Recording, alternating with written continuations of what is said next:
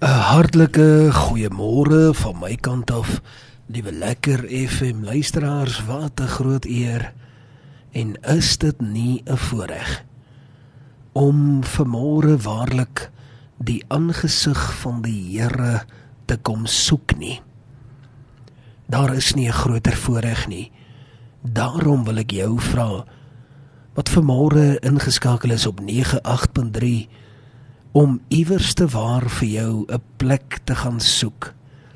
Kry vir jou 'n gunsteling sitplek as jy by die werk is, daar waar jy gemaklik is, daar waar dit privaat is by jou huis, daar waar jy werklik waar gewoond is om stil te word voor die aangesig van die Here. En dan bring jy jou Bybel saam want ons gaan vanmôre daadwerklik uit die woord van die Here 'n paar sake kom uitlig. En ek wil baie graag hierdie week kom stil staan by 'n onderwerp wat vir my die laaste paar weke spesifiek nogal baie beteken het.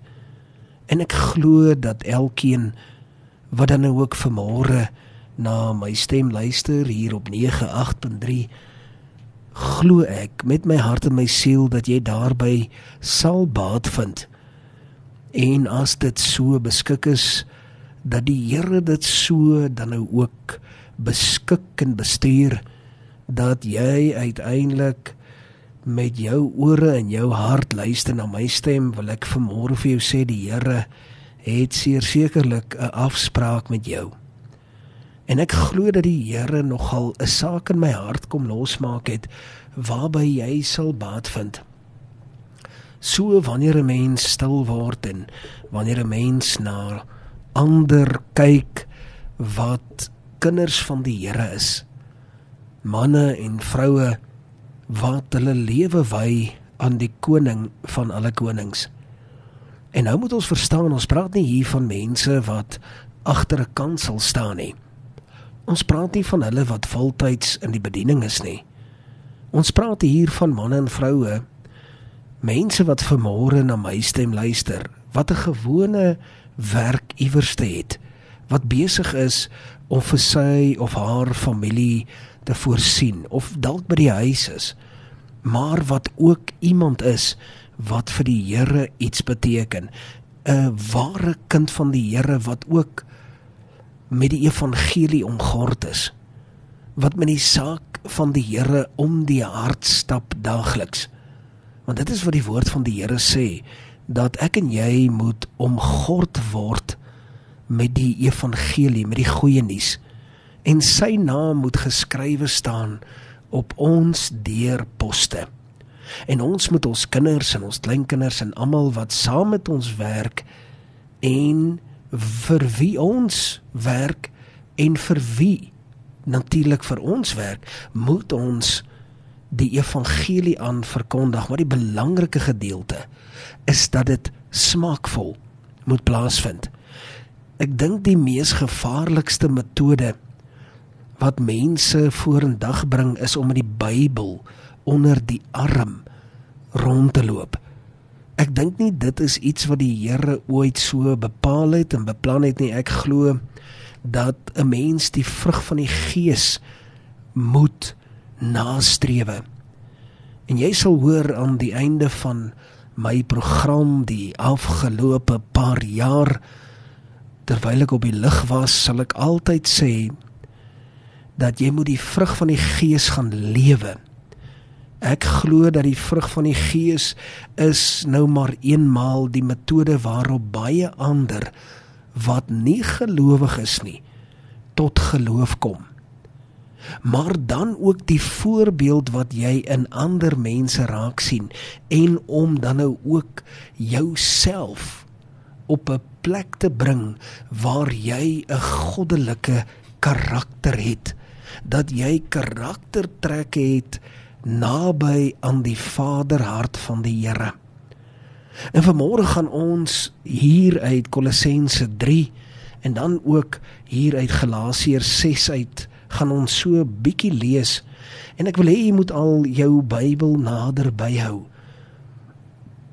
En ons gaan ook 'n potlood of 'n pen saamvat en ons gaan ook die datum neerskryf en ons gaan notas maak in die Bybel.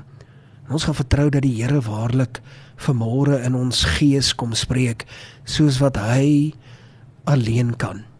So daarom wil ek vir jou vra, kom ons blaai na Kolossense 3 vers 23 en 24 wat ek graag aan jou wil voorhou. En kom ons lees dit vanmôre saam. Baie baie interessant. Hy sê die volgende woorde, hy sê en wat julle ook al doen, doen dit van harte soos vir die Here en nie vir mense nie. Omdat julle weet dat julle van die Here die erfenis as vergelding sal ontvang, want julle dien die Here Jesus Christus tot sover die woord van die Here. Kom ons sit net so. Dan sluit ons die oë, dan bid ons saam. Hemelse Vader, Here, ek wil vra dat U die volgende 15 minute kom seën met 'n groot seëning. Dat U kom aanraak soos net U dit kan doen. En dat waar ook al van ons lekker FM vriende is, dat U daar net daar dan nou ook met hulle sal praat in Jesus naam. Amen. En amen. Liewe lekker FM luisteraars, Daar is 'n goue aar wat ek in mense wat 'n pad met die Here stap sien.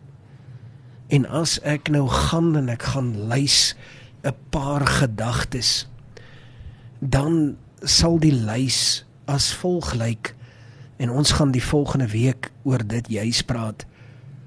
Ek het al menigmale in my lewe raak gesien dat mense wat naby aan die Here lewe en as ek dit sê dan is my uiteindelike doel dat ons vanmôre so gemotiveer en geïnspireer sal word om ook dieselfde karaktereienskap karaktertrek sal ontwikkel.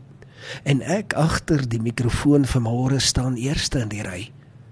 Ek is daar nommer 1 Ek staan op presies dieselfde plek en dit is vir my ook nie altyd maklik nie.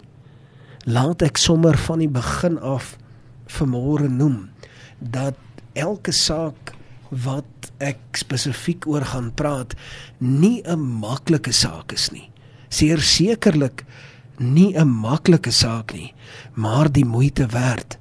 En wat 'n mens oor en oor op verskillende tyddele en verskillende oomblikke raak gesien het by manne en vroue wat die pad saam met die Here stap. Daar is vir my sekerlik niks mooier as om te sien iemand wat 'n pad met die Here stap nie. Dit maak my opgewonde. Dit gee vir my brandstof. Dit steek my vuur hier diep binne in my siel aan om harder en harder vir die Here te beweeg en om raak te sien dat daar al hoe minder en minder tyd is waarin ons dit kan doen.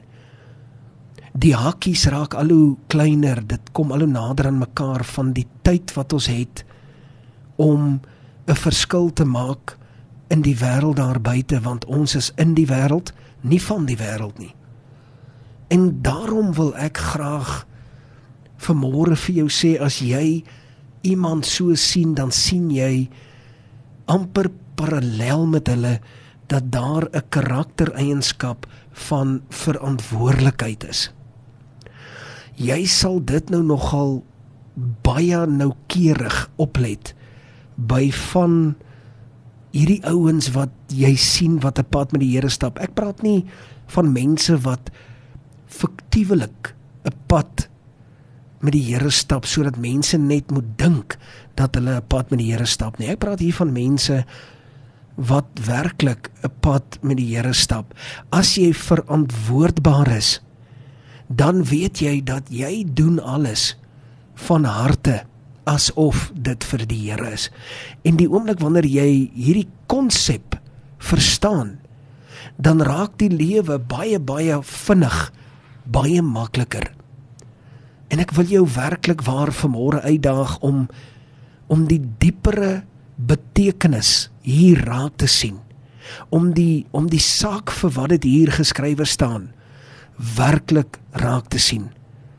Onthou Paulus skrywe, ons skryf aan julle niks anders as wat julle kan lees of verstaan nie. En hier lees ek al te duidelik hier in Kolossense 3:23 en wat julle ook al doen. Dit sê vir my dit is alles wat jy doen. Ek meen as jy links draai en jy doen daar iets, as jy regs draai en jy stap hier in 'n gebou en as jy agtertoe stap en jy stap hier in iemand se huis en of jy's in jou voertuig of jy stap in die spar of in die checkers in of jy's iewers waar op die foon besig wat jy ook al doen sê die woord doen dit van harte. Met ander woorde heel hartig wees verantwoordbaar net teenoor die Here. Wees verantwoordelikheid verantwoordelik teenoor die Here.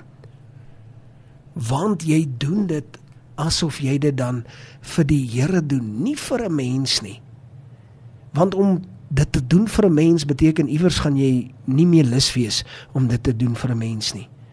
Omdat jy weet dat jy erfdeel by die Here is dit wat jy uiteindelik sal ontvang is uit die hand van die Here uit geen ander hand nie.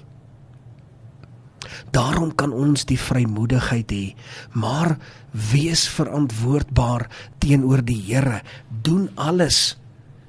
Elke liewe iedere ding wat jy doen elke oproep elke boodskap alles wat jy doen doen dit van harte. En as daar moeite is of dis vir jou duur weet jy leen aan die Here want jy doen dit vir die Here. Daarom kan 'n mens mos baie vrymoedigheid aan die dag lê. Hoekom? Want ek doen dit nie vir 'n mens nie. Ek doen dit vir die koning van alle konings. En solank ek weet dat ek dit vir hom doen, kan ek dit mos maar 100% doen en nie halfhartig nie. Dit is waaroor die verantwoordbaarheid gaan. Want liewe lekker FM luisteraars, jy kan maar gaan kyk in jou lewe. Jy weet mense doen halfhartigheid. Hulle is halfpad daar. En jy kan amper niks van dit vir my vertel nie. Ek kom al 24 jaar in die bediening. Jy weet ek ek sien dit oor en oor en oor. En ek sê dit seer sekerlik met die meeste respek, maar meeste van die mense doen iets halfhartig want jy doen dit mos nou dis mos nou dis amper asof dit tweedehands is want ons doen dit mos nou maar vir die kerk of vir, vir die Here of wat ook al so ons ons gee alles wat tweedehands is. Ons gee ons tyd ons gee dit wat oorbly. Uh, ons finansies gee ons met 'n baie swaar hart. Uh, ons ons ons is nie getrou daarin nie. Wanneer ons iets gee is dit iets wat tweedehands is uh, ons gee klere wat in flarde lê gee ons uh, wanneer ons wil saai heen se saak van die Here. Dit is dis jammer want dan beteken dit jy doen nie iets heel hartig asof vir die Here nie. As jy mos iets vir die Here doen dan sal jy die heel beste vir die Here gee. Die heel beste gaan vir die Here.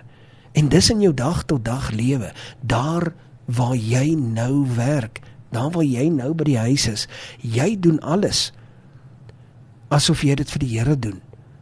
As jy jou huis skoon maak, jy doen dit vir die Here. As jy jou kinders grootmaak, jou kleinkinders, jy doen dit tot die eer en die verheerliking van die Here van harte. So met ander woorde, jy doen dit in 'n oorgawe. Dit is een van die mooiste karaktereienskappe wat ek al by mense gesien het wat waarlik 'n pad met die Here stap. Kom ons maak die besluit vandag om dit ook so te doen. Tot sover die woord van die Here. Kom ons sit net so. Dan sluit ons die oë, dan bid ons saam. Hemelse Vader, u woord was vanmôre kragtig. Here, help ons. Help ons hiermee. Is my gebed in die kosbare naam van Jesus Christus van Nasaret. Amen en amen.